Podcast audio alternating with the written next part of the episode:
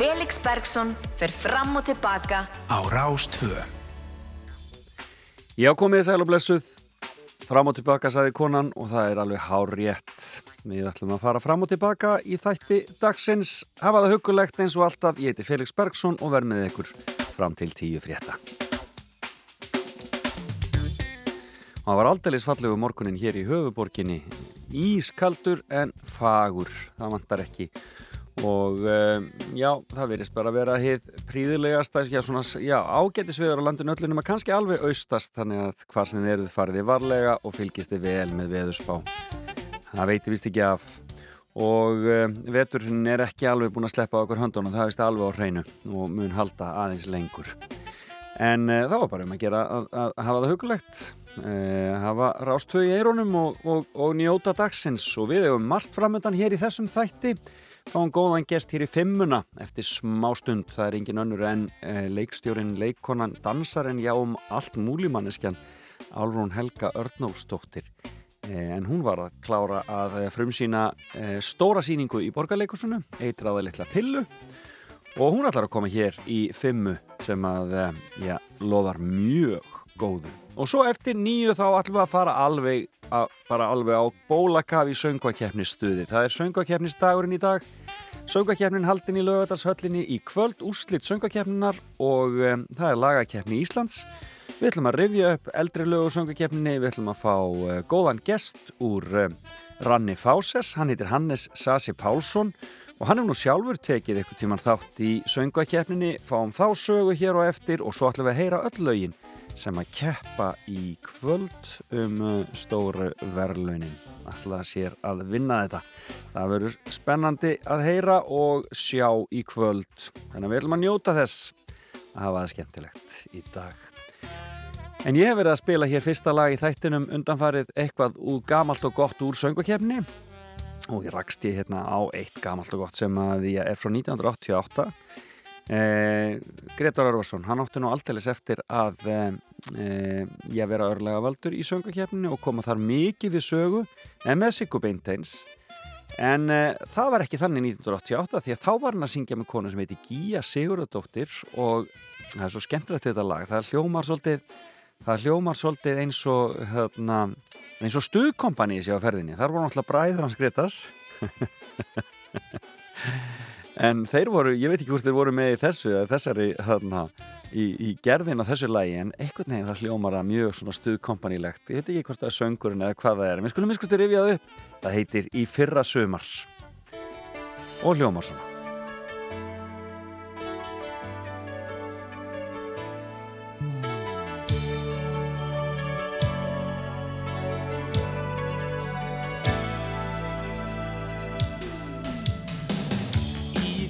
Þá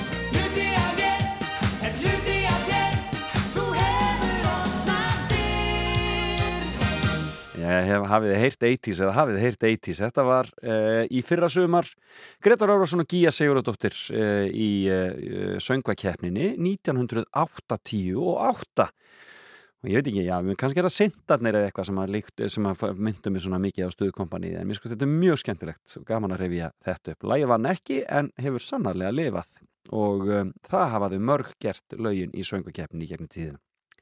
En nógun söngukernin bíli við fyrir að velta okkur upp úr henni eftir klukkan nýju. Það er komið að gesti dagsins sem er Álrún Helga Örnólsdóttir og um, við fyrir að rappa eftir að við erum að hlusta á eitt lítið lag með Elinu Hall og ég hlakka til að heyra fimmuna hennar. Flýsar upp að herbergið Þú stóðst í gætinni var um þig Hvern ertu aftur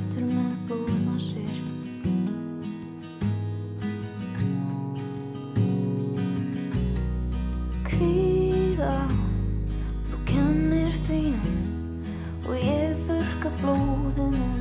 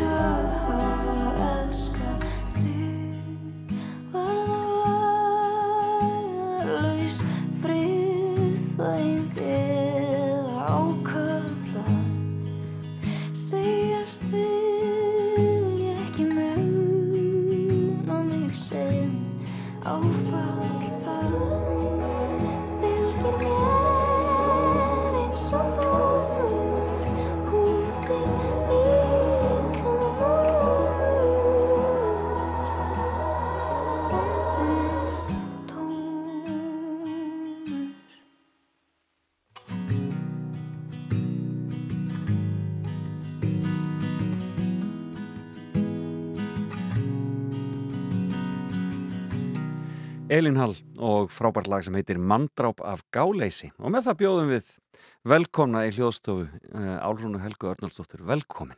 Takk kærlega fyrir, Felix. Svona, ég spyr yfirleitt svona, viðmannandi mína fyrsta, fyrsta spurning er, ertu morgunmanneskja? Hvernig er það fyrir því að koma klokkan 8 á lögutarsmóðni í bara Takk fyrir að heiðra okkur morgunhannana með þessu. Hérna, já, ég er mjög mikil amanniska. Já, þú ert bara, Já. og hefur alla tíð fyrir kannski. Já, ég Já. bara sopnaði klun tíu í gerkvöldi. Já, það er bara svo leiðis. Já, mér finnst það, já. Það er ekki meira rock'n'roll en það. Já, menn svo á maður svona til rock'n'roll betra að það er fyrir tíu, nei. en já, ég, hérna, ég er svona rútínu dýr. Akkurat, og það hefur ekkert komið endilega með börnunum bara fyrir ekkar, bara alltaf verið þannig Já, ég vil að alltaf vera hann. Þetta, var eiginlega meira vandamál þegar ég var að vinna í leikhúsi og maður þurfti alltaf að vera að sína alltaf alltaf á kvöldin. Sko. Já, þá varst bara fann að geispa bara Já, nei, maður er náttúrulega fullur á adrenalíni þannig að það hjálpaði, sko. Já, en, hérna, en já, ég fyrir að þetta er svona mitt eðlilega, hérna, já, þetta er eðlilegt fyrir mig. Það er eðlilega, já, gaman að heyra Mhm. en velkomin og til hamingju með eitrað litla pillu Já, takk hérlega. Hún átti að vera þarna hún Elín en, en, en þurfti að, að, að, að draga sig í Já. fyrir frumsýninguna Já, en kemur vonandi aftur já, algjörlega. þegar, þegar að sýningin heldur áfram þetta fer vel að staðið ekki Jú, við erum alltaf bara nýbyrjuð frumsýndum fyrir vikur síðan, þannig að það eru þrjár sýningar búnar, Já. en hérna, ég er bara mjög glöð og stolt og mér heyrist svona áhörendur vera það líka. og mæturu og situr aftast og fylgist með Já, já, ég þarf alveg að stoppa mig af. Já. Ég er alveg krakka, nú megið sýnikvöld án mín, Já. en ég kem næst. Þannig að já, það er svolítið erfitt að sleppa hendinni, sko. Og vera ekki, þú veist, alltaf að gefa ykkur svona litlar nótur. einmitt En svo þykir mér líka bara svo væntumynda fólk og hérna, það er erfitt að slíta sig frá þeim. Já, skiljanlega, já, góður hópur Já. og náinn Já, og við erum búin að vera í marga mánuði að búa þetta til saman, þannig að það er skrítið að stíga bara allt í til hliðar og vera bara heima eitthvað að bóri nefið. Akkurat. En ég veit að fimmaðin fjallar aðeins um svona það, það breyta til og en það, það, það er svo gaman að sjá því stíðin í leikstjórastólinn. Þú bara svona einhvern veginn. Það er bara eins og þú sést alveg gengur inn í þetta fullsköpuð.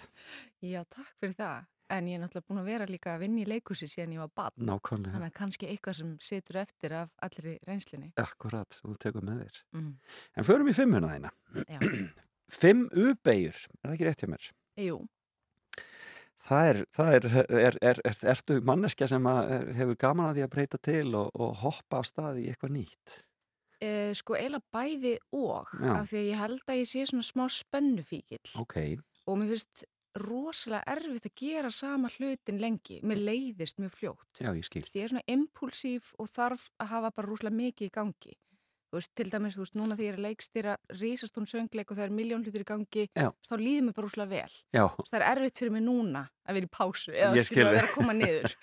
en þannig að ég held að það tengist því, þú veist, þetta er bæði sko með auðbeðunar er sko að gera eitthvað sem maður hefur ekki gert áður. mhm, Að kanna nýjar lendur mhm, sem er, þú veist, spennandi en það er líka mjög skeri já, og þú veist, þannig að þetta er svona sambland af óta og líka bara því að finna þörf fyrir að gera eitthvað nýtt. En er líka kannski hluta því að vera, vera lausraðin, vera frílansmanniski, Já. að vera alltaf með sko, verkefna drefin, Já, að þá einhvern veginn eh, er svo spennandi að hlaupa kannski í eitthvað sem er kannski aðeins daldið öðruvísi heldur en það sem maður gerði síðast.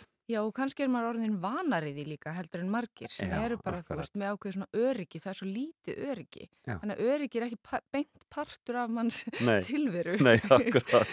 Já, þannig að, og þá verður maður kannski bara spennu fíkil fyrir vikið eða svona, þú veist, til í að taka áhættu eða prófa eitthvað nýtt. Akkurat. Já. Byrjum bara á byrjunni. Hver er fyrsta uppeyjan sem þið nokkuð til að segja okkur frá? Sko, fyrsta uppbyggjan uh, sem ég ætla að fjallum er þegar ég flutti til Parísar 19 ára gömul, Já. ein, beint eftir stúdenspróf. Og ég vissi ekkert hvað ég var að fara að gera þarna.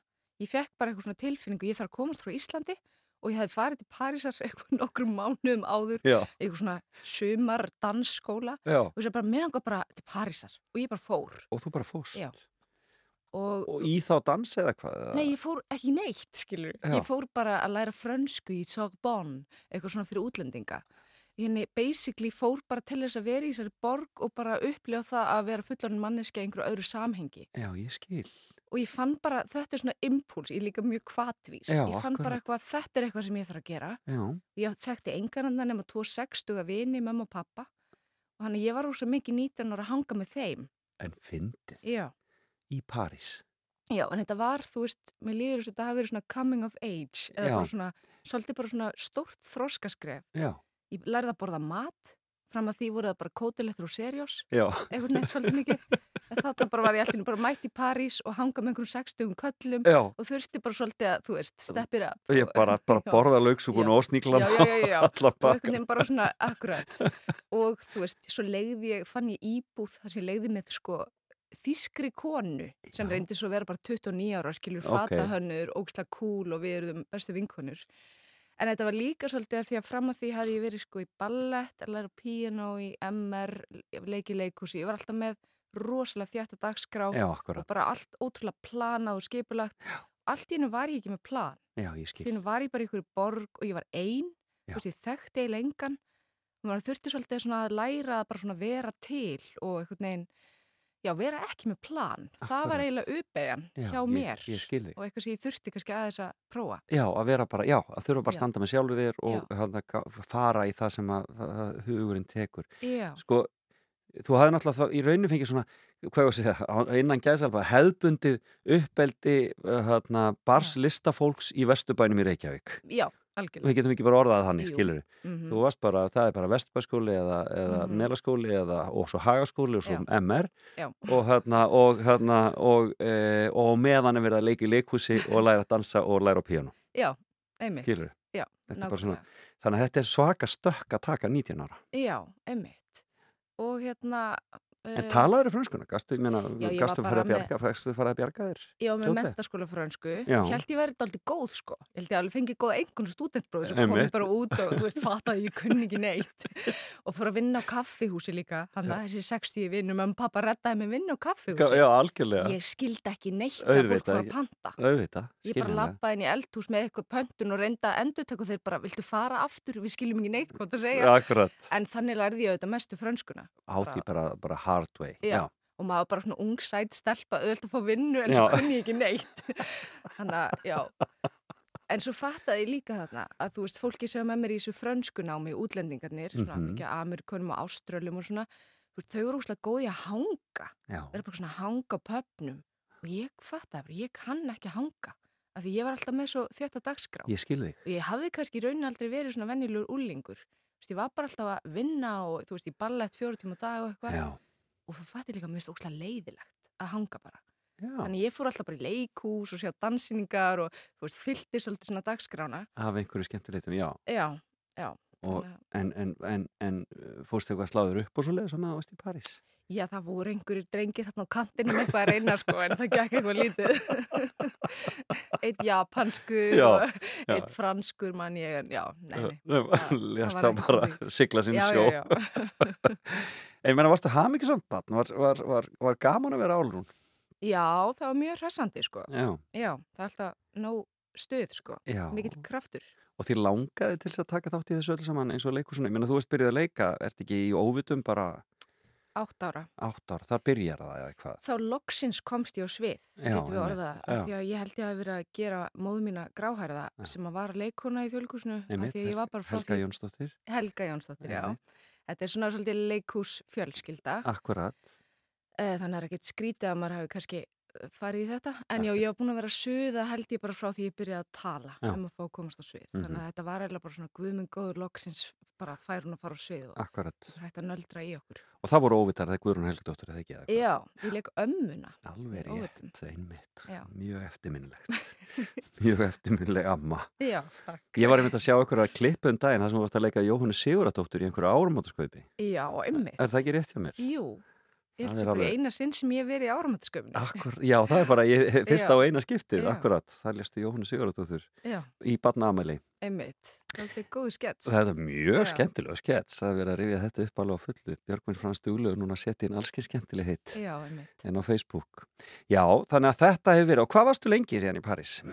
Já, ég var nú bara þarna í hvað eitthvað átta mánuði af því að ég sem sagt var að fara til London í inntökuprófi í leiklistaskóla meðan ég bjóðar. Já, já. Og maður getur bara tekið lestina frá París til London, Einmitt. þar sem bróður minn bjóð, þannig að ég, ég fór og sótt um skóla og byrjaði svo bara þarna um vorið Þannig í leiklistanámi. Þannig að þú varst bara, já, þannig að þetta hefur bara verið svona í svonni stoppustöð á leiðinni þangað. Já, en samt rosalega held ég mikilvægt skref svona eftir á að hyggja þar sem ég bara, þú veist, lærið að sjóða egg og Já. bara einhvern veginn vera fullorinn manneskja, ekki með eitthvað öryggisnet. Akkurat. Áður maður fer í sko þessa djúpi lög sem er að fara í leiklistanám, það sem að allt sem þú þekkir og heldur og kunnir er svolítið tekið af þér Mhm. og maður er svona bara í mikilli sjálfskoðun. Hvernig gekk þér að lifa af? Ég menn áttur pening og svona, eða nægði þetta bara að vinna á kaffihúsinu? Ég átti fyrst peninga því ég hafði leikið eitthvað smá í einhverju bíó um sum, sumarið Já. en svo var þetta bara einmitt, var ég að vinna fyrir mig bara og harka með því að vinna á þessu kaffehúsi Já. og hún var meira þess að fann að slá aðeins af leigunni, hann að fata hönnurinn sem ég bjó hjá og hann þetta svona slapp fyrir hotn. Þetta slappir hótt, Já. akkurat. Skemmtilegt. Fyrsta uppeyja, Já. flytja til Parísar eftir stúdinspróf. Hver er svo næsta? Já. Svona eh, stökk út í óvísuna. Já, það líða bara- þú ferð í fyrir London og, og, Mhm. og hvernig leiðir í London? Mér fannst æðislegt að læra í London. Veist, mér, mér fannst bara líka á þessum tíma bara svo gaman að búa í Stórborg. Já. Bara koma frá Íslandi og einhvern veginn vera í innan um svona fjölbreyttan hóp fólks. Um, En þið verði líka svona, svona, svona íslensk stelpugengi, Hafdís Huld var Já. þarna og og Anda Brím. Anita Brím og Já. Þið eru svona, já, svona power, svona íslensk stelpu powerhouse. Já, það var mjög gott að Spice Girls. hérna, Já, geta komið heim og spjalla á íslensku og hérna, þær eru náttúrulega úkslega fyndnar og skemmtilegar, þannig að það var sjúklega gaman hjá okkur. Ok, En við vorum ekki, þú veist, að læra í sama skóla, þú veist, við, þannig að við vorum ekki saman 24-7, Nei. en bara svona áttum hann já, skemmtilegt heimilslíf saman. en dásanlegt. Já. En hver er næsta uppeyja?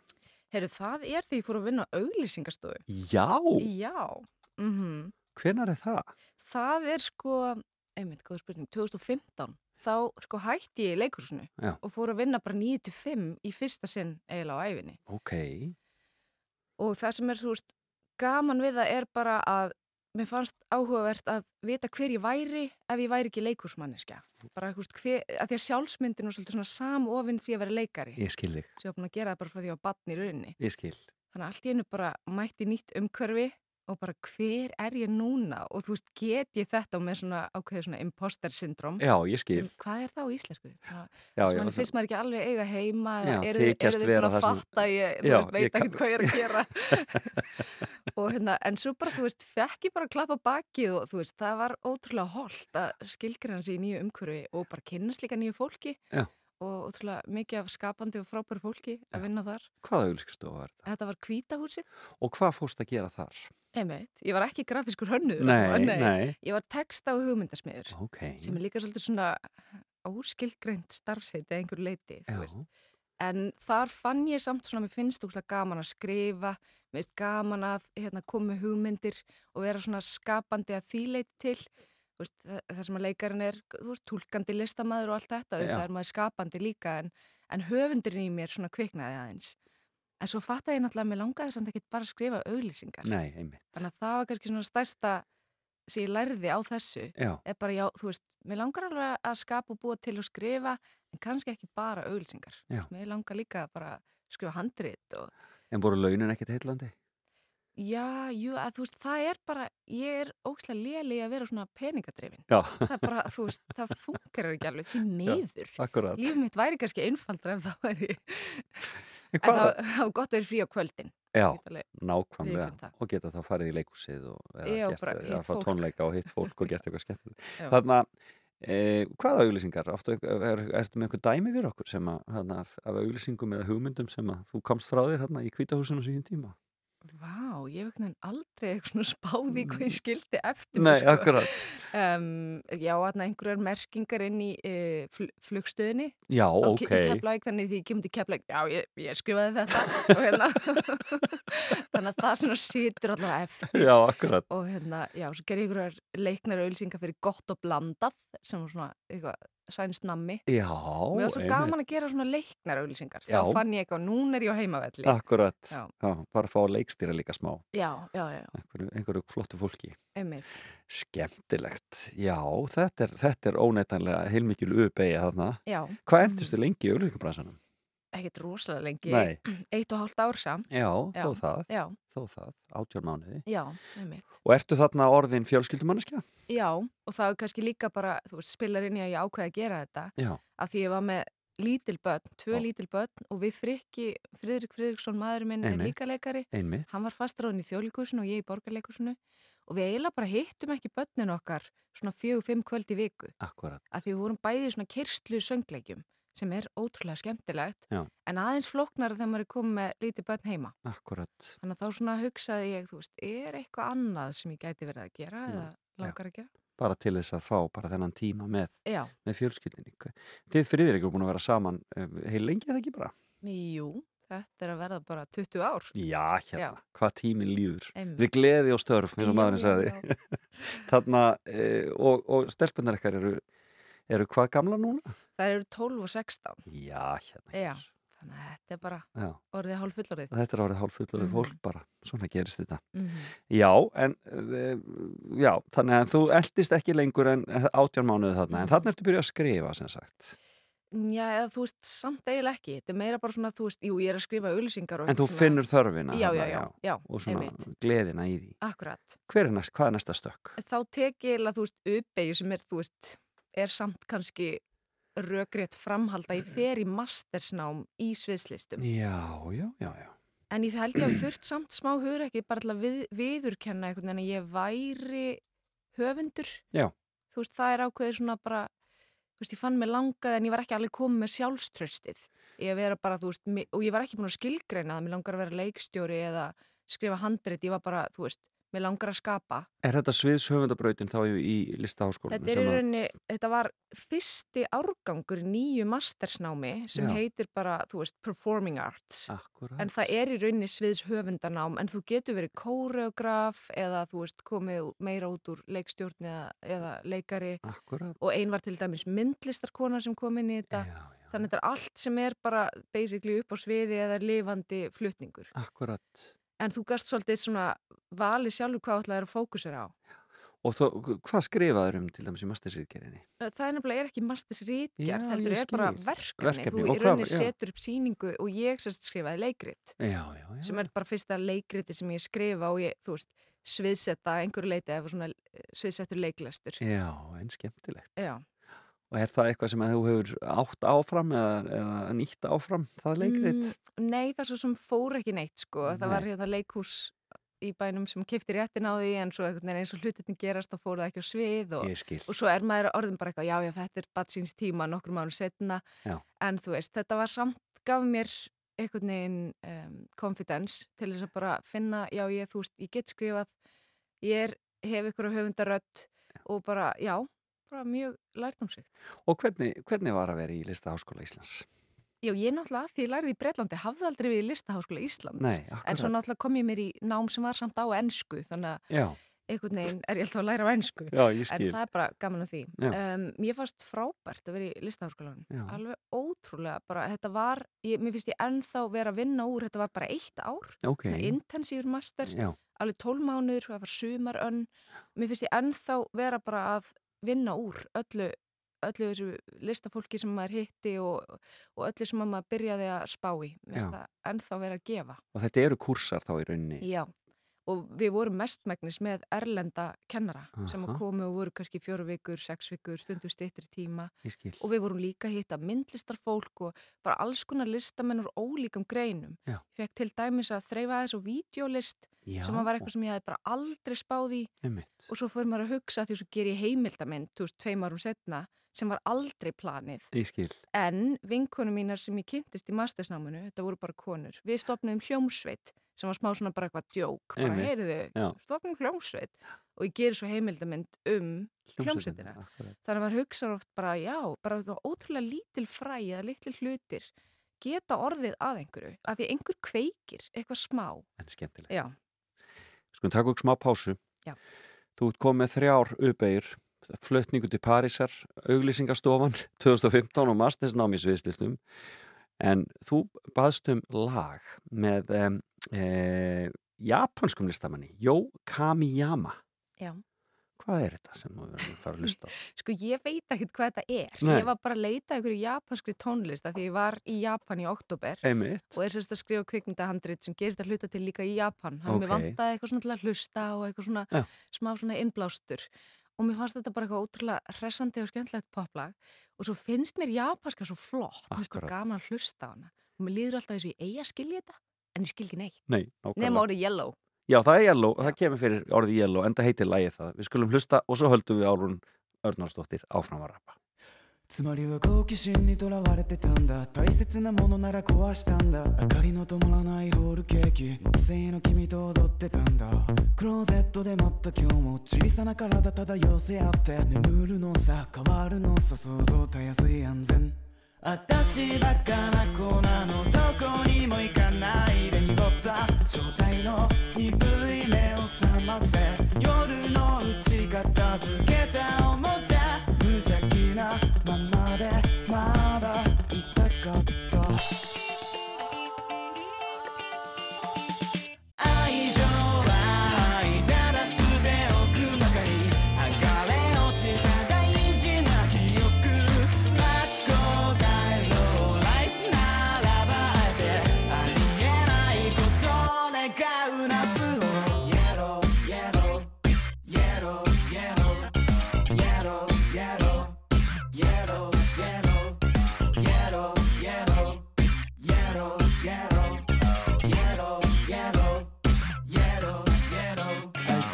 好奇心に殺されたようだ。狡猾な術なら試したんだ。うたつの上がらないあんな行為。満面の笑みで歌ってたんだ。クローゼットで待った今日は一人で待つんならこんなもんか。変わるのさ。終わるのさこうで求め続ける。カチカチカチ迫る秒針もっと巻いてこう。深くなってしまいな天地が。逆さまになる。なんでどうしてほらかすんだ。透明窓から見た景色をまだ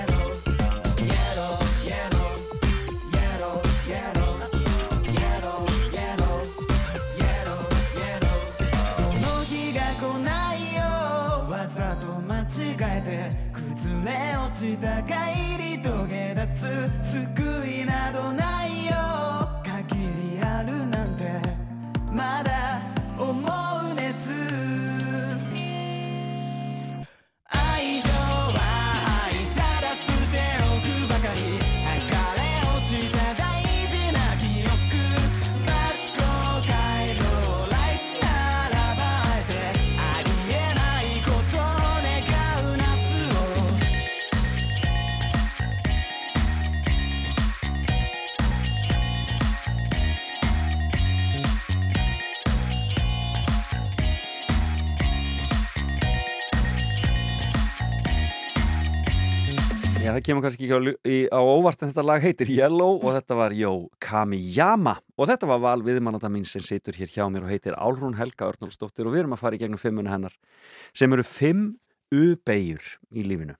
Mm.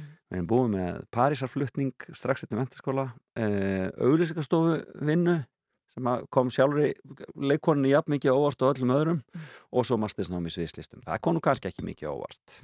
Nei, Nei, en hvað er þú veist, það er ekkit eitthvað það er ekki eins og ég hafi farið eitthvað þú veist, til Singapur og Já. læst ég veit ekki, dývingar eða eitthvað, Já. veist, það er bara í fyrsta sinn í rauninni sem ég stíg inn í leikstjórastólin, Já, ok. veist, það er kannski ekki beint ubeigja, en það er samt svona nýtt hlutverk Nákvæmlega, Já. já. það er svona stökk út í óvissuna. Já, Og hvað, hvenær var það? það var uh, byttu nú við, ætli að hafa ekki verið 2019, alveg að vera 2020 þegar Lilja Nótt býður mér að leikstýra verki sem heitir Mæður. Já, einmitt. og veist, og þá er þetta líka svona, þú veist, ég var ekkit beint búin að ákveða að ég ætlaði að fara í leikstjórn, Nei, þú veist, ég var meira ekkert en að eh, skrifa í þessu Já, mastersnámi. Já. en svo, þú veist, fyrst báðum mig um að leiki í þessu verki og ég er svona, já, nenni ég aftur að fara að leika. En svo segir hún, heyrðu, býtu leikstjórn hérna datt úr skaftinu, vilt þú leikstýra þessu?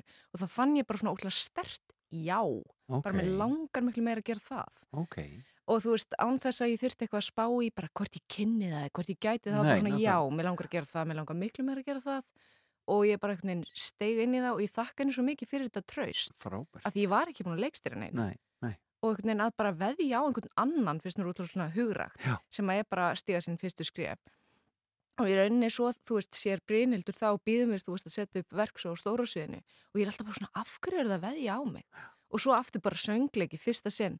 Og mér finnst það svo áhugavert þegar fólk bara sér eitthvað svona í manni án þess að maður taki sjálfur beint ákvörðunina. Akkurat, að það er einhver annar sem segir bara já, ég veit að þessi getur þetta. Akkurat. Og þú veist, ég þakka það svo mikið að fólk bara, þó að ég þurfi alltaf og maður sjálfur þurfi alltaf að finna sko hjá sér hvort maður sé tilbúin í það. Nákvæmlega. Og þá þá maður að hlusta bara á innsæð sem er annarkvæmt bara, ó nei, ég er ekki tilbúin eða bara, þú veist, hafa hugur ekki til að vera bara, já, ég get það. Þó ég Akkurat, hafa ekki gert það áður. Akkurat þannig að það er eitthvað þegar ég þakka þessum bæði Brynildi og Liljun og takk fyrir að Já. tróða mig og treysta Þannig að það er í rauninni taka svolítið uppegin á fyrir þig Já, kannski, en ég þarf náttúrulega að hafa hugur ekki til þess að segja bara já, Já. og bara kýla á það Hvaða verk var þetta mæður? Ég sá það nú ekki en ég man Nei. eftir þessu Þetta er sko danst verk Já. og þú veist hérna fjalla bara um konur sem eru bara í rauninni að ákveða eignast batn eða gangi gegnum það að vera með lítil börn og Nákvæmlega þetta er mjög fyndið verk Já. líka, bæði svona grát broslegt og þetta var sko það var svona 95% áhörunda voru konur. Einmitt. Þannig að það var mjög áhugavert líka bara þú veist að sjá bara svona mikið af konum saman í salinum og þetta er náttúrulega eitthvað sem bara allar mæður eða konur með lítil börn þú veist tengja við. Já. en svo heyrði maður alltaf í þessum tveim, þrem köllum sem kom með bara þetta er síning sem allir kallmenn eiga að sjá. Að Nákvæmlega þetta er alveg reynslu heimur hvenna þetta er bara móður þín eða sýstiðin eða vinkonaðin þannig að þetta var ekkit bara fyrir konur en markkópurinn samt virtist vera bara Þetta, veri, þetta er alltaf eins sko. Ég mitt upplýði þetta að ég fór að sjá býttu bara í gablarleikusinu og ég sagði bara, akkur er ekki allir kallmenn hérna að horfa á þetta? Þetta er akkurat það sem við eigum að vera að sjá. Einmitt. Þarna, En það, hún fór í yðurnóað ekki þessi síning? Jú, en svo náttúrulega lend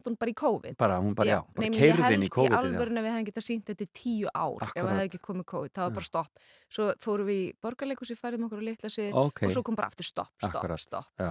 þannig að hún svona dó svolítið bara út af því akkurat, Já. kannski möguleiki bara að hendin upp núna bara.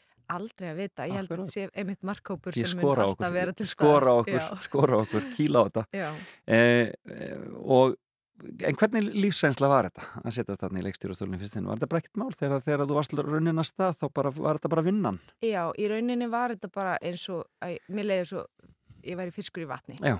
en ég þurfti bara að kljást við að sjálf þú veist, að treysta því að ég væri með þetta. Akkurat, þú veist, er allir bara að horfa á mig og bara hún veit eitthvað hvað hún er að gera og allt þetta, þú veist, að ég þyrfti bara að taka mér status sem í rauninni, maður þarf ekki að vera okkur um stalli sem leikstjóri, fattar maður, maður er akkurat. bara á gólfinu með öllum hinum að tala við fólk, en svo finnst mér bara svo gaman að vinna með leikurum, mér finnst svo gaman að reyna að lifta öðrum upp að því ég er leikari sjálf, þannig að maður skilur líka og ég hugsa oft bara hva, hvernig, hvernig leikstjórn far- fannst mér best að fá. Þannig akkurat, að maður er alltaf að reyna að lesa hvað fólk þarf og reyna að, þú veist, íta þeim lengra og, og sjá þau blómstra.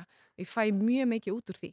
en þú hefur samt mjög svona ákveðin stíl sem leikstjóri Já, það er, alveg, það er mjög skýrt að sjá þitt, þitt höfundarverk er mjög skýrt á því sem þú hefur leikstýrt það er mjög áhugavert. Já. Ég er ekki við sem að ég átti mig svona vel á því, Nei, eins og þú kannski sem sér það. sem, sem En ég held ég hafi mjög skýran smekk. Já, Ég akkurat held ég veit alveg hvað ég vil. Já, Já. einmitt og ég held að það fær ekkert ég því að leikstjórn er ekki síst einmitt spurning um val Mm algjörlega. ekki alltaf að fara með fyrstu hugmynd heldur Mhm. leifa hlutum að þess að kannski að þróast og svo, og svo finna það allt í einu það er þetta sem ég vil og fara með því þá Já, að því maður þarf líka að leifa sér að leita. Þú veist, maður þarf að vera í óvissunni og bara prófa hluti sem virka ekki og þóra því og svona. En svo einmitt, eins og þú segir, er það leikstjórn sem verður bara að velja. Bara nei, við ætlum í þessa átt. erst að fara að breyta þessu í, þarna, í símaskröni, fara að taka leikaran út og það bara leikstjórn kemur í staðinn Mm, já, ég er alveg svolítið búin að vera, þú veist, af því það er ofta eitthvað leikari og leikstjóri, svo Já. bara, eða leikstjóri og leikari, já, ég held að setja definitely röðin, já, af því ég miklu meira í því að stýra heldur en að leika. Akkurat. En ertu alveg hægt að leika? Uh, ég veit ekkert hvort það er val, Nei, veist, akkurat. því að sem leikari þá er maður líka, það er svolítið svona frambúð eftirspurn, Mm -hmm, þú veist, eða nema maður búið til uh, hlutverkin sjálfur, en uh, ég, ég get allavega metið það bara í hvert sinn hvort mér langi til að taka með hlutverkið. Skildi. ég þarf ekki að gera það til þess að búti tekjur endilega eða þú veist bara og mér finnst í augnablikinu áhuga verður að þroska mig bara sem listrætt stjórnandi Já, akkurat. en já, mér finnst líka rosa gaman að lappin í höfundaverk annara og fá að vera bara leikari og einhver annar bara tekur ákvarðaninnar og ég kem bara með tilbúð og, og Já. hérna sem leikari, þannig að þetta vinnur bara vel saman Akkurat. Kvikmyndaferillin, sko, uh, þú náttúrulega slóst í gegn myndinni Kristínar, svo gjör þið sem að heimni svo gjörðu sem á himni þarna á sínum tíma, þá bara hvað tíu, ellu Já. ára eitthvað Já. Eh, varð meira úr því, var meira úr þessum kvikmyndaferli? Ég leik í einhverjum svona sjómasmyndum og Já. minni hlutverk þegar ég var batn og ólingur. Já. Um, svo fór ég náttúrulega í pröfu fyrir Star Wars en ég fekk ekki hlutverkið. Það var bara svoleiðis, já, já. sem er bara guðis í lof. Það hefði nú verið eitthvað ef maður hefði Það var það þegar þú varst út í London? Nei, nei, þá var ég bara, þú veist, 13-14 ára. En magna. Já.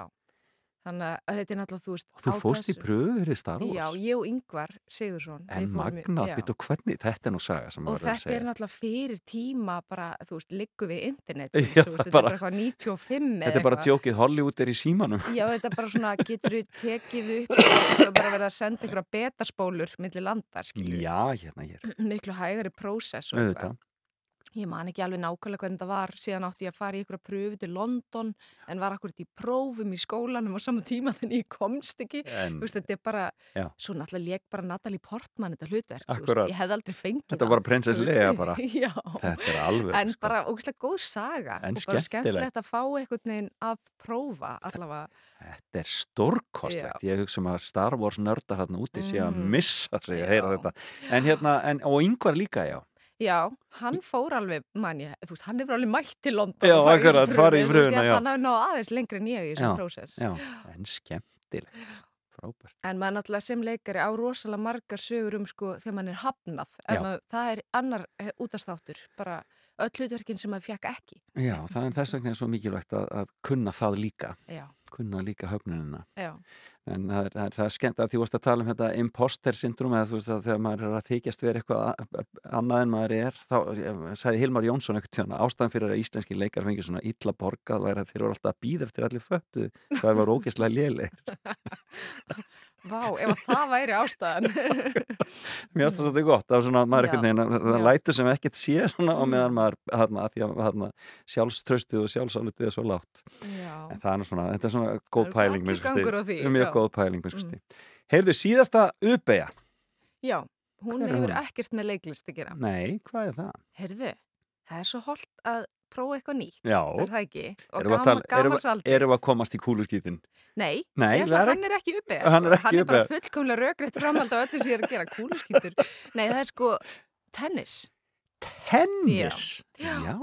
Ég sem sagt hef alltaf verið svona dansari og bara jóka og eitthvað svona. Já. Aldrei, þú veist, spila neina íþrótt, Nei. sérstaklega ekki einhverja bolta íþrótt. Nei. Svo fyrir svona fjórum árum fór ég á byrjandanámskið í tennis og það var ekki aftur snúið. Það er bara þannig. Já, Og Þú ert náttúrulega brjálu keppnisvanskja. já, það kannski hjálpar aðeins.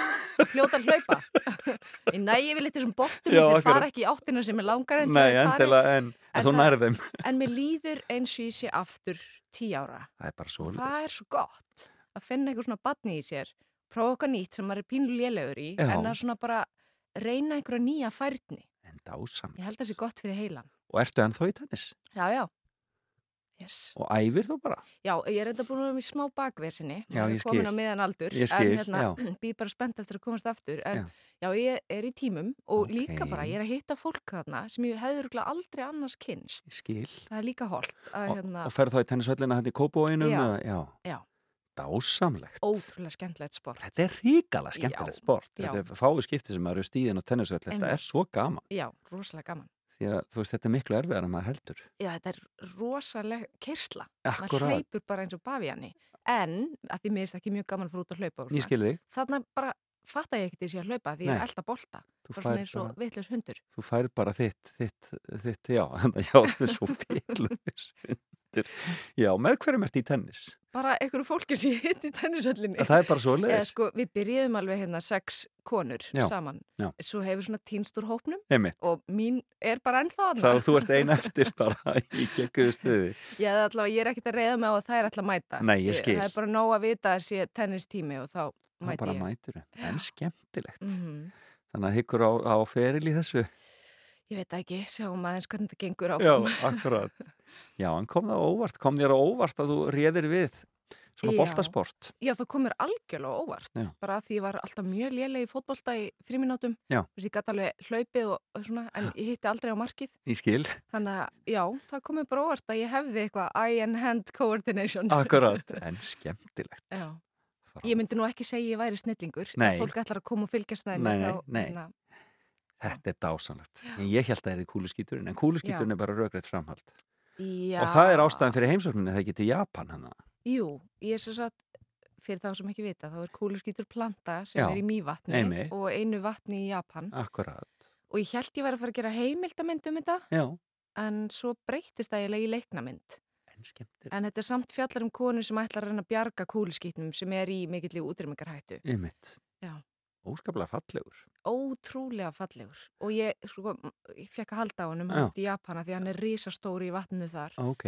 og ég varð eiginlega bara svona ástfangin eða þú veist, ég skildi allt í hennu bara akkur fólk fellur fyrir honum Þetta er einhver tenging, einhver náttúrutenging já, sem er einhver lík. já, en hann er líka mjög óvennilegur hann er sko, er svo fótbolti á stærð Já. svona þungur eins og mosi og einhvern veginn, þú veist, það er einhvern veginn eins og þessi dýr, þó þessi planta En magna. já. Og þeir náttúrulega elskan í Japan hann er bara heðraður og, og þykir heilagur og svona Og er þessi leiknamynd komin eða hver, hver er? Nei, hún er bara í þróun. Það er er mjög mikið langhlaup að hérna, gera bíómynd. Já, það er nú annað. Já, Það er nú þannig að þá þarf ég að læra þólimaðir sem ég hef ekki í, í miklum skömmtum. Nei, akkurat. Ég get ímyndað með það að það sé svolítið öðruvísi. Mm Dásanlegt. Það er semst París, auðlýsingastofan, mastisnámið, leikstjórastóllin og svo tennis. Þetta voru UB1 5 hjá Álrúnu Helgu Örnarsdóttur. Hvað tekum við næst? Nú er bara eitrulíð pilla flógin að stað og þú þarfst ekki að hafa meira ágjör á henni. Akkurat. Nefna kannski æfin leikara svona við og við ef eitthvað, eitthvað Já. gerist. Já, En, en hvað kemur? Hvað gerist næst hjá þér? Nú býð ég bara eftir næstu uppegi, sko. Já. Eða þú veist, eins og þú veist að segja, maður er svona í verkefnum og þú veist, maður er svolítið, ó, eh, maður er svolítið vanur því. Já. Og svo bara tekur óvissan við. En vissulega er ég að vinna í kúluskýtnum.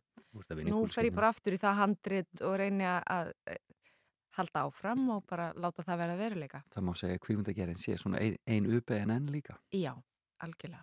Nákvæmlega. Álum Helga kærar þakki fyrir komin skulum endi þetta á Alanis Morissette og uh, You Ought to Know þú er náttúrulega þarna algjör sérfræðingur í Alanis eða ekki? Jú, bara ringi í mig að það er eitthvað sem ég vilja vita. Takk fyrir komuna og ég hvet alla til að skella sér í borgarleikus og sjá eitraði litla pillu. Takk fyrir komuna Álum. Takk fyrir mig. I want you to know that I'm happy for you. I wish nothing but the best for you both. I know the version of me. Is she perverted like me? Would she go down on you in a theater?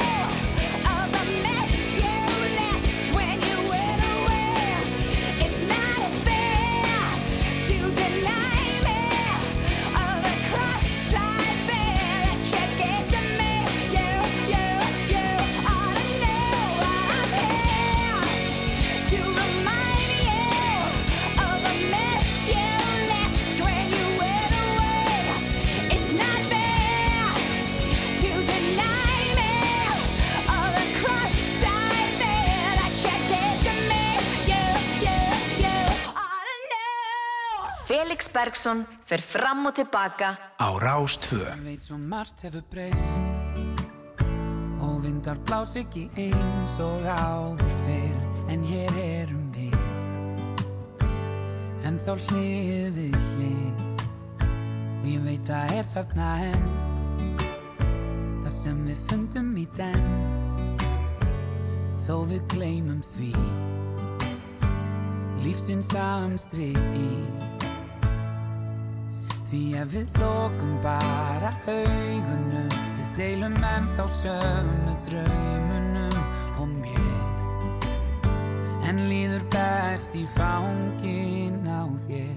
Svo dansaðu við mig Bara eitt lag enn. Já, legðu vanga þín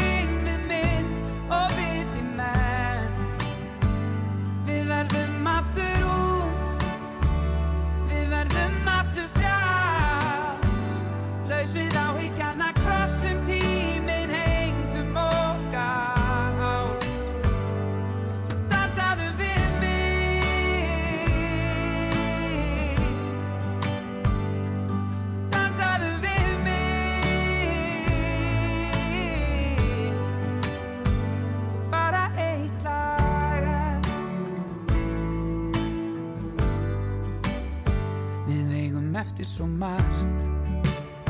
Og séð og gert og ósagt En hugsum ekki um það. Og njótum dagsins í dag. Því ef að lokum einhver spyrði mig Hvort ég hafa átt líf sem ég var sáttur við Þá ég veit ég myndi segja honum hafði allt það sem ég dreymdi um. Og leið alltaf best í fangin á Velkomin á Fætur. Fram og tilbaka á Rástfö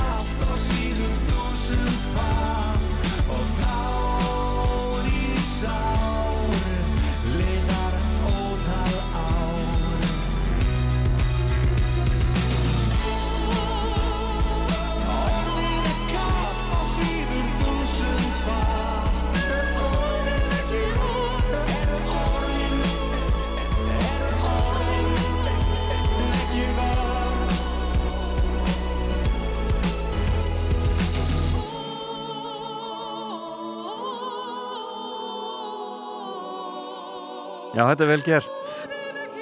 Nýtt lag frá Guðmundur Afkjell Gíslasinni Orð gegn orði heitir það og um, já, þetta er bara þrjustöf frá Guðma til ham ekki með það. Briljant. Já, þeir að hlusta fram og tilbaka, við vorum að byrja aftur eftir nýju fréttinnar og Alrún Helga Örnuldsdóttir færan á dyr frábært að fá hana hér í morgun sem gest í fimmunni. Hún var æðisleg og sagði okkur af fimm U-beigjum í lífinu. Uh, gaman að rappa hér yfir kaffibotla á ljúfum lögutasmotni og við ætlum að halda því áfram en nú er það söngvakefnin og við ætlum bara að velta okkur vel upp úr henni uh, já það sem eftir lifir þessa þáttar. Og byrjum hér. Eina skipti sem Björgun Halldásson hefur farið fyrir Íslandi í Eurovision þá söngan þetta stórkostlega lag. Það heiti Núna og þau veltuðu fyrir sér á leiðininn á svið hvort þau ætti að syngja það á ennsku en þorði ekki Núna ef þú vilt mun nóttin Elska þig af líf og sál. Núna ef þú vilt hún bera vörum þér sín leyndar mál Núna ef þú vilt mun ástin Snerta auðvitað því svo djúb og blá. Já. Núna ef þú vilt Njótum þess að elsku þrá. Og ég veit allt tekur enda Fellur regn á grænan skó Og á meðan þú ert hjá mér Vil ég elska með þér nóg Þessi nótt er fyrir okkur Þessi koss er handa þér Hann mun ljóm í gegnum tárin. Þegar loks að morgun ég fer Núna ef þú vilt með nóttin. Elska þig af líf og sál. Núna ef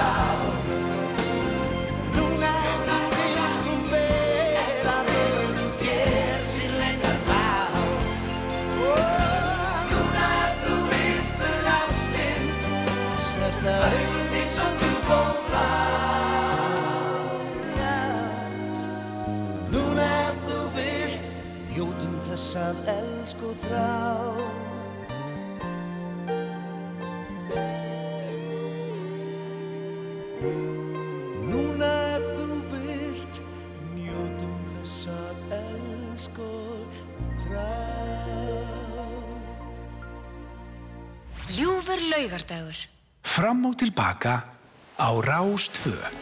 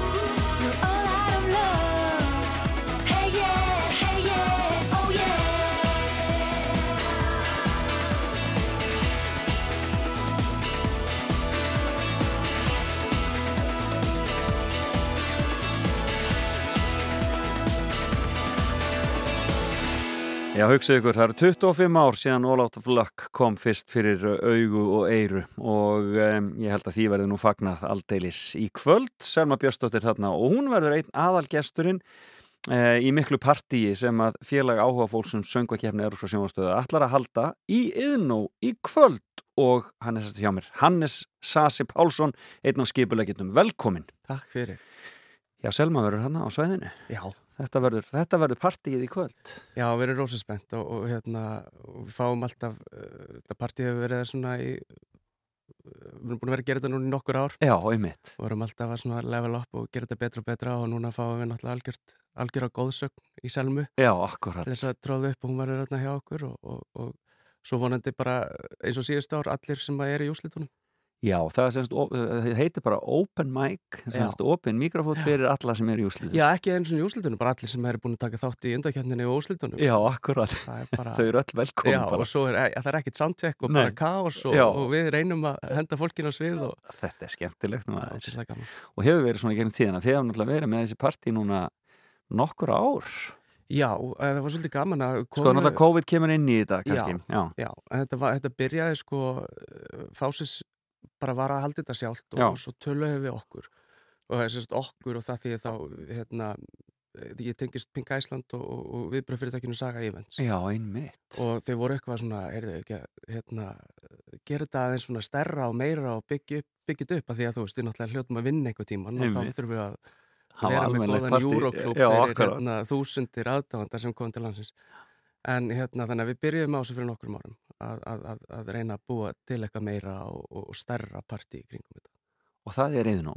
Það, það er íðin nóg, já, og við höfum verið þar e, þetta verið í þriða fjóraskipti sem við erum þar, við erum líka held ég tvís og verið á Bryggjunni Brugghús og, og, og, og hérna, eða, hvað sem það heitir í dag Já, en, akkurat. en hérna, já, þannig að þetta er búið að vera nokkur sinnum. Já, akkurat. Og ég man eftir að sjá Keino þarna á sviði. Já, það var í rauninu svona fyrsta stóra partíð sem við vorum með og þá, sem sagt, þá í rauninu náðum við að nýta það að Keino kom fram í hérna álokakvöldi áslitum Já. söngakettunar það árið komið svo í heimsótt til okkar og, og, og spilu.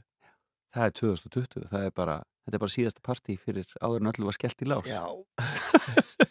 það var einmitt það ár sem að ég fór á hérna, Melodifestivalin í, í, í, í Svíþjóð Akkurat. og horfði á úrslitin með 30.000 manns og enginn vissi hvað var í vændum. Nei, akkurat.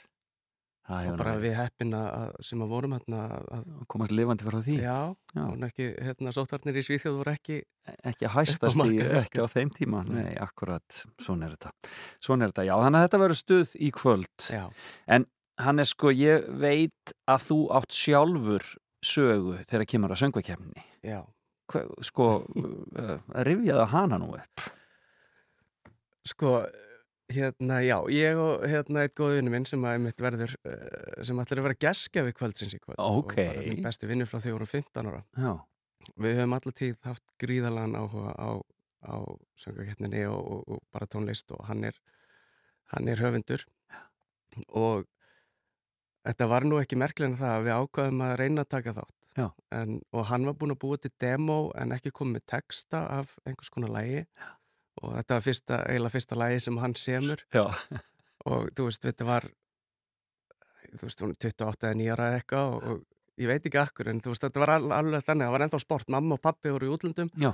þannig að hérna það fór maður alltaf heim og var í þeirra húsi af því það var miklu skemmtilega því það var stærra á svona.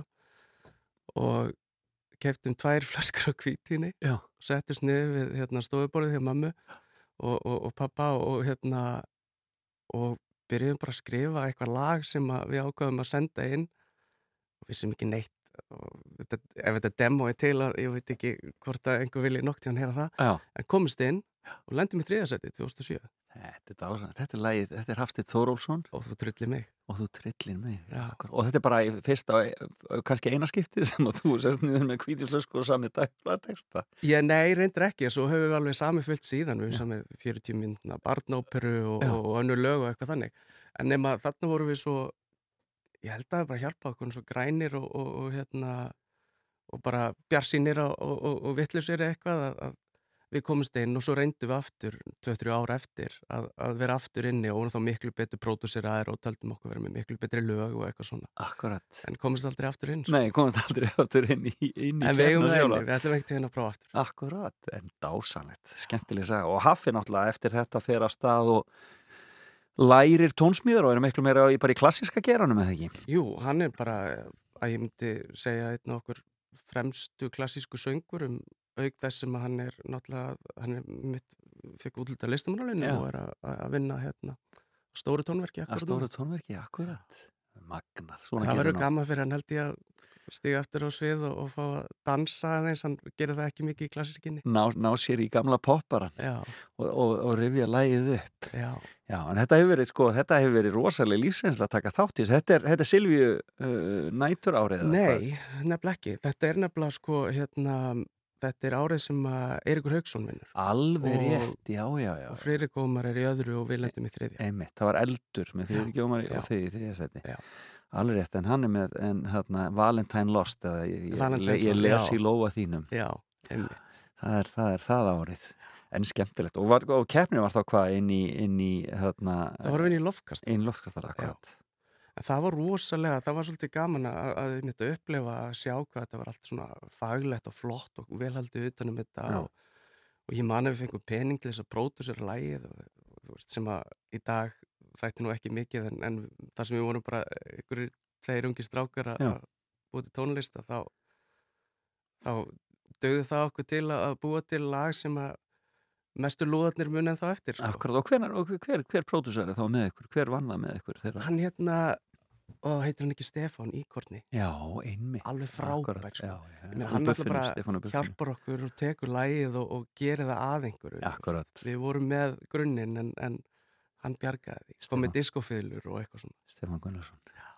Briljant, heyrðu við skulum rifja það upp og við skulum bara segja öllum hér og nú að ef að partíið ef að það kemst stuð í gang Já, Þá er kannski rétt að taka það fram Ok. við erum með fórsölu í gangi. Ok, og það er hægt að fara bara inn á heimasíðu Fásis og, og, og, og þar er hlekkur inn á miðasöluna og þar er svo hægt að, að, að kaupa miða. En við lokum fórsölunu þrjú í dag. Þrjú í dag lokar forsalan en svo er miða verður með að vera hurð. inn í yðin og í kvöld. Já. það verður mikið fjör eftir, eftir skemmtilega söngakefni Hannes Asi Pálsson kærar þakkir fyrir komin og gangi ykkur vel í kvöld Takk og góða skemmtun. Takk. og hér er Þú trillir mig. Vá, gaman að er þetta maður kem heim, fækka fötum kem ég fyrir. Loka augunum, anda inn og hugsa um þig. Stæltu líka minn, augnar á þið blöytar farið. Tál sín orðin til, dag draumana set alls svið minn í kvöld er skikja fyrr Ég mun sjá um kampavínið, þú um jarðaber.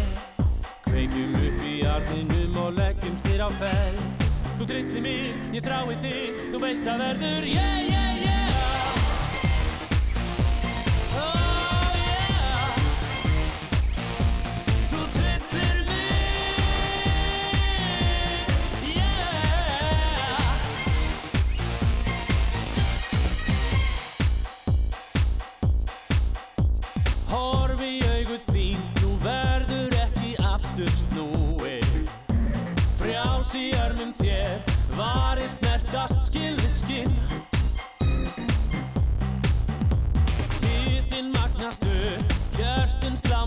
sama takti.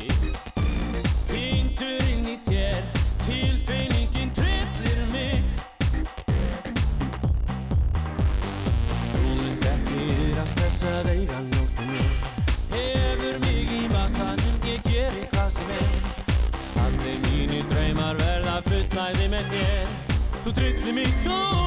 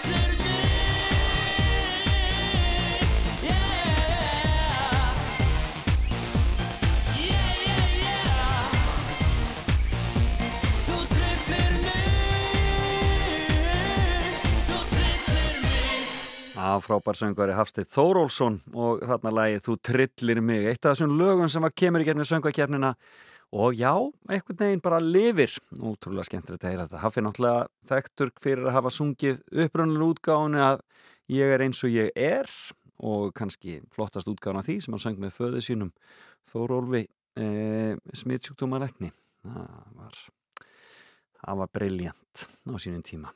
Já, svona hljómaði það. Góðan daginn Ísland. Felix Bergsson fer fram og tilbaka á Rástfö.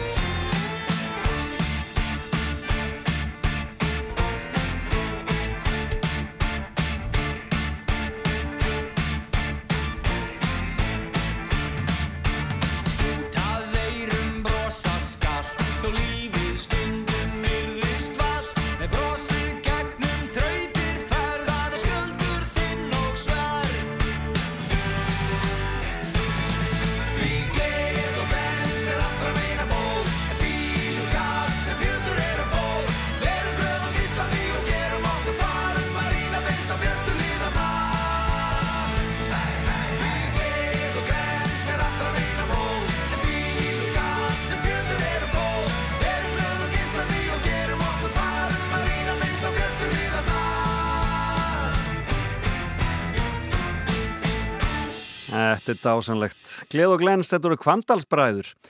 En uh, munið þegar vorum síðast í lögutarsvöll uh, að horfa á söngvakeppnina. Það var uh, stórskemmtilegt. Það var árið 2020 og þá var ótrúlega spennandi einvíi milli listamanna í lokin. Það er alltaf þetta einvíi í lokin á söngvakeppninni og þetta er eitthvað sem að margir muna eftir og við höfum örglega eftir að rifja upp í kvöld þegar söngvakeppnin kemur í sjónvarpinu eh, en eh, þá var það Daði Freyr sem var þar með sitt gagnamagn og í einvíinu var hann að keppa við eh, enga aðra en stórstjörnunar og hljómsveitina Dimmu Og ég fekk hérna skilabóð í morgun frá Stefáni Jakobsinni, söngvara dimmu. Hann var að hlusta í morgun og við vorum að ræða þetta með kúluskítin við Árlún Helga Örnálsdóttir.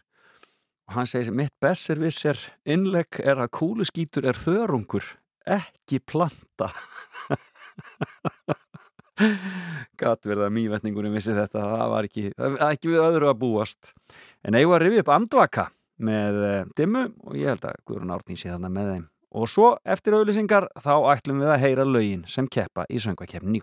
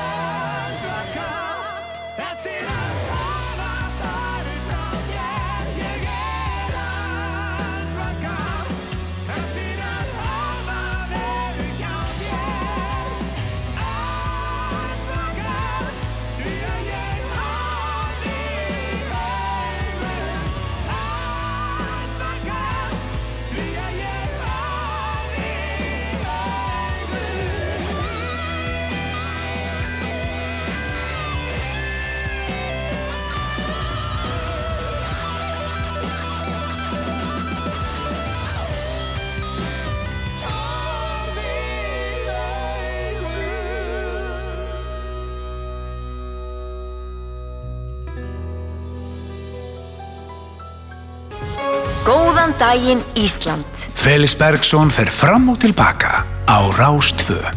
Já, við erum að fara fram og tilbaka og nú er komið að lögunum sem keppa í söngvakeppnin í kvöld. Já, spenniði beltin, við ætlum að keira á þetta hvert lagi á fættur öðru, ég ætla ekkert að hafa mörg orðum þetta, en við byrjum á bræðrónum Knáu í duettinum Væp, lagi þeirra, Bíómynd.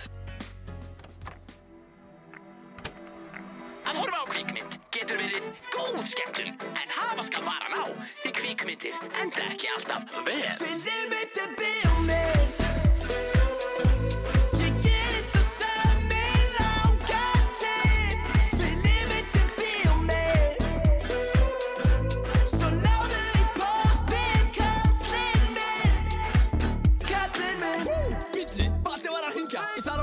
fara í sinni, viltu syngja. Lífið mitt í bíómyndi, þannig ennum það. Spenni setti sólundar og förum strax að stað. Hver sem ég fer, alltaf með mynda vel á mér. Alltaf með mig ljós og mæka leikstur en ég. Skrifa bestu handitinn til lífið mitt er vilt. En myndi fer á stóra skjáum verður alltaf trillt Augun mín er alveg eins og myndavél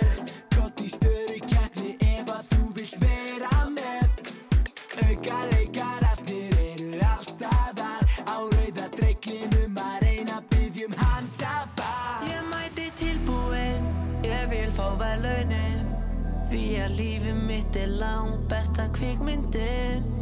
Ég kasta kveðja á þá sem er að horfa á. Auðun Blöndal, Helga Braga, farið í frá. Lífið mitt er bíómynd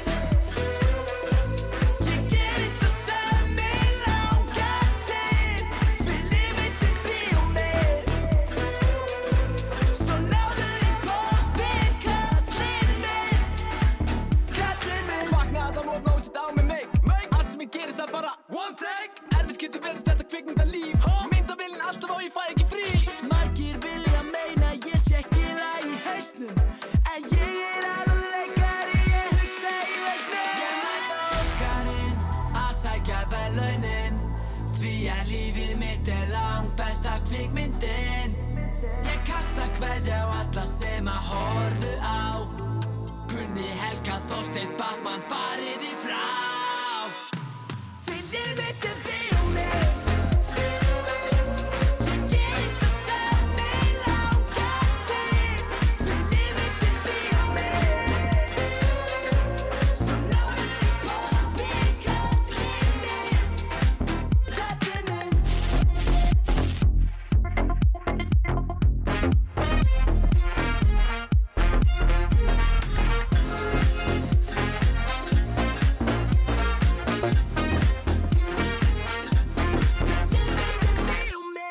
Verða fyrstir á svið í kvöld og munu trilla líðin, þetta voru Væp og Bíómynd og hver er svo næst á svið?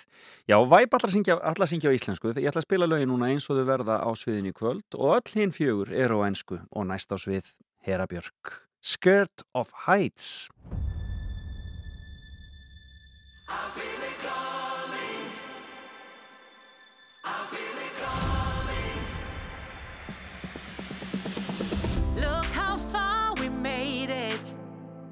Standing on the edge of a promise.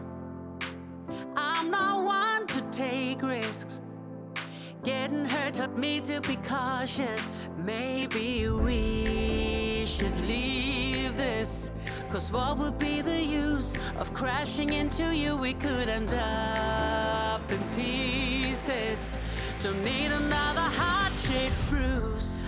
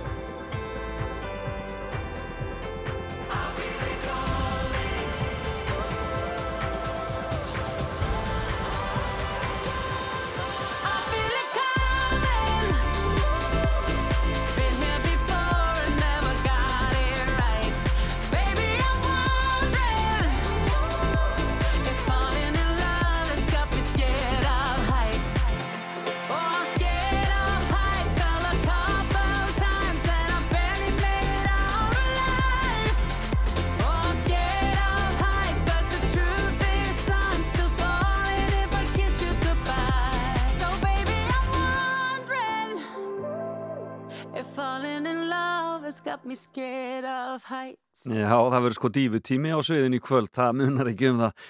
Hera Björk þarna á ferðinni og næsta dífa gerir sér tilbúna með líka lag eftir Ástísi Marju Viðarsdóttur og hún ætla líka að syngja á ensku. Þetta er Anita og lagið hennar heitir Downfall.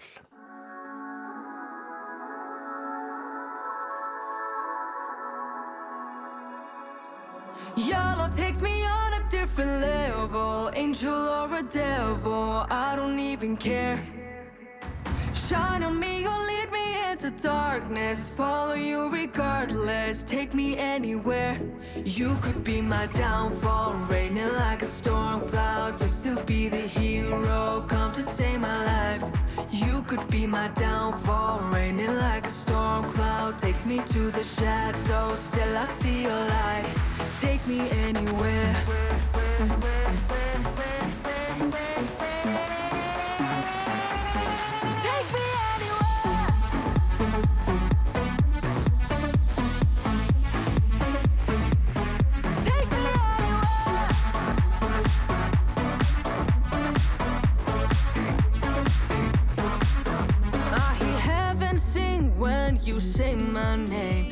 With your hungry eyes, set my heart aflame. Give me absolution for every sin. Going higher and higher and higher. Oh, your love takes me on a different level. Angel or a devil, I don't even care. Shine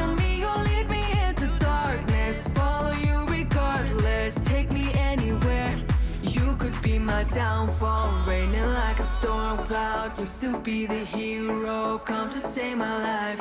You could be my downfall, raining like a storm cloud. Take me to the shadows, till I see your light. Take me anywhere.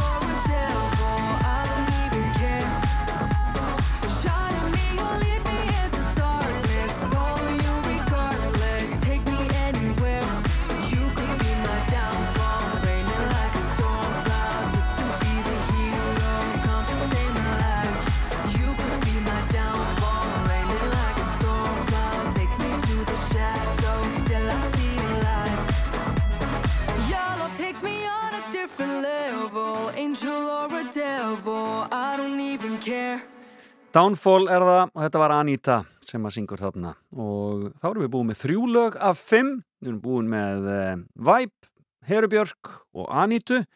Og Bashar er næstur.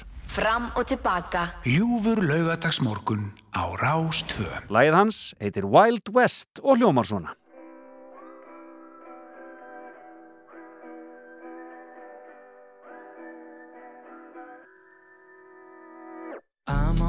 the road again. How did it come to this? Don't know where I'm going, but I'm looking for eternal bliss. I'm like a rolling stone, I can't stay in one place. When you start to get bitter and you wanna get better, you gotta change the taste. I gotta hit the highway, yeah, here I go again.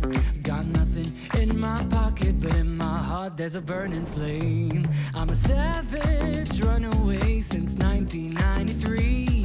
Got nothing in my name, but that's about to change. Cause I'm going to the wild, wild west where the only rest is for the wicked. Where even if you do your best and you pass that test, doesn't mean you'll make it. Going to the wild, wild west, cause it's the best place for business. Got a can do attitude and nothing to lose. So why the hell wouldn't I risk it? I'm on the road again and I still didn't get too far. Got my studded chaps on, my cowboy boots, and I'm playing my spaghetti guitar. I dressed up and I put it on, hoping I'd fit the scene. Took 30 damn years to figure out I just gotta be me. Going to the wild, wild west where the only rest is for the wicked. If you do your best and you pass that test, doesn't mean you'll make it. Going to the wild, wild west, cause it's the best place for business. Got a can do attitude and nothing to lose. So why the hell wouldn't I risk it?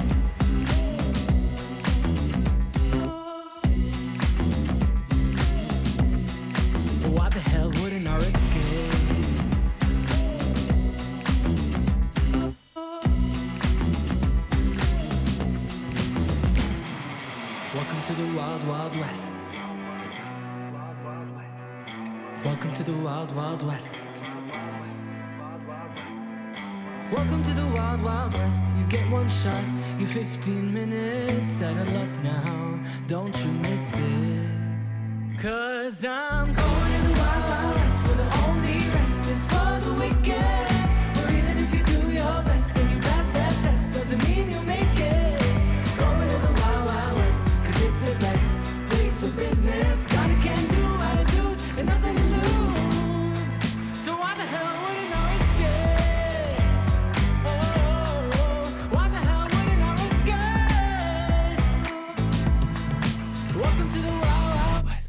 Bashar Murat og Wild West. Frábært, gaman að heyra þessi lög. Heyra þau hérna hvert á fætur öðru og við endum á einni dífunni en auðvitað. Sigga Ósk fær að klára þetta í kvöld. E, er hér annað árið í röð í söngakefni og annað árið í röð í úrslitum og um, enda elskar þjóðin sína Siggu Ósk og lægið hennar verður sungið á ennsku kvöld og heitir Into the Atmosphere og ljómar svona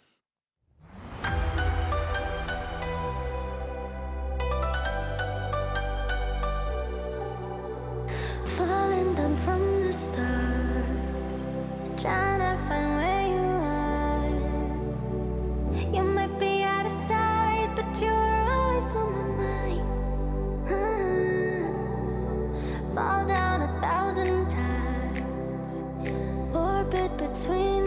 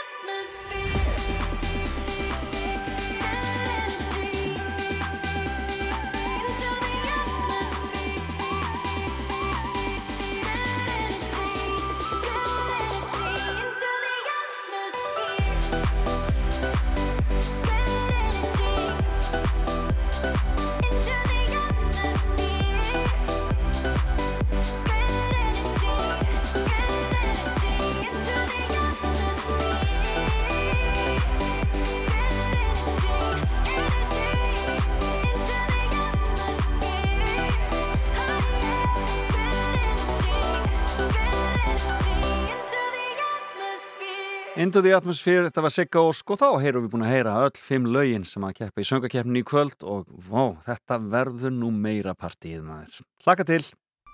Felix Bergsson fer fram og tilbaka á Rástvö. I'm ready to let you go. Won't hold you back no more. And God spread your wings to fly away. Been carrying you way too long, like an obsession. I thought you were a living part of me, but I got my power in my hand. You hold no power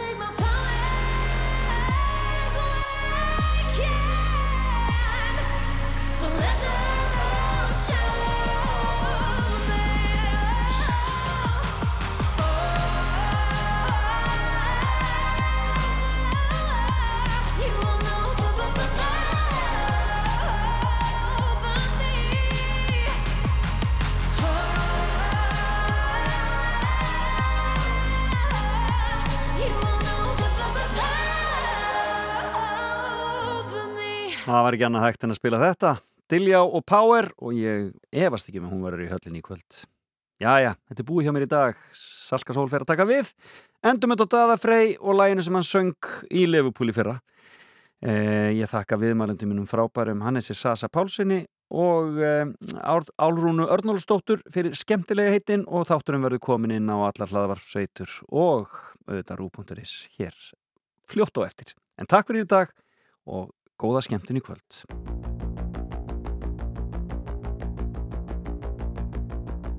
If you see me walking down the street, staring at the sky and dragging my two feet, you just passed me by. It still makes me cry, but you can make me whole again. And if you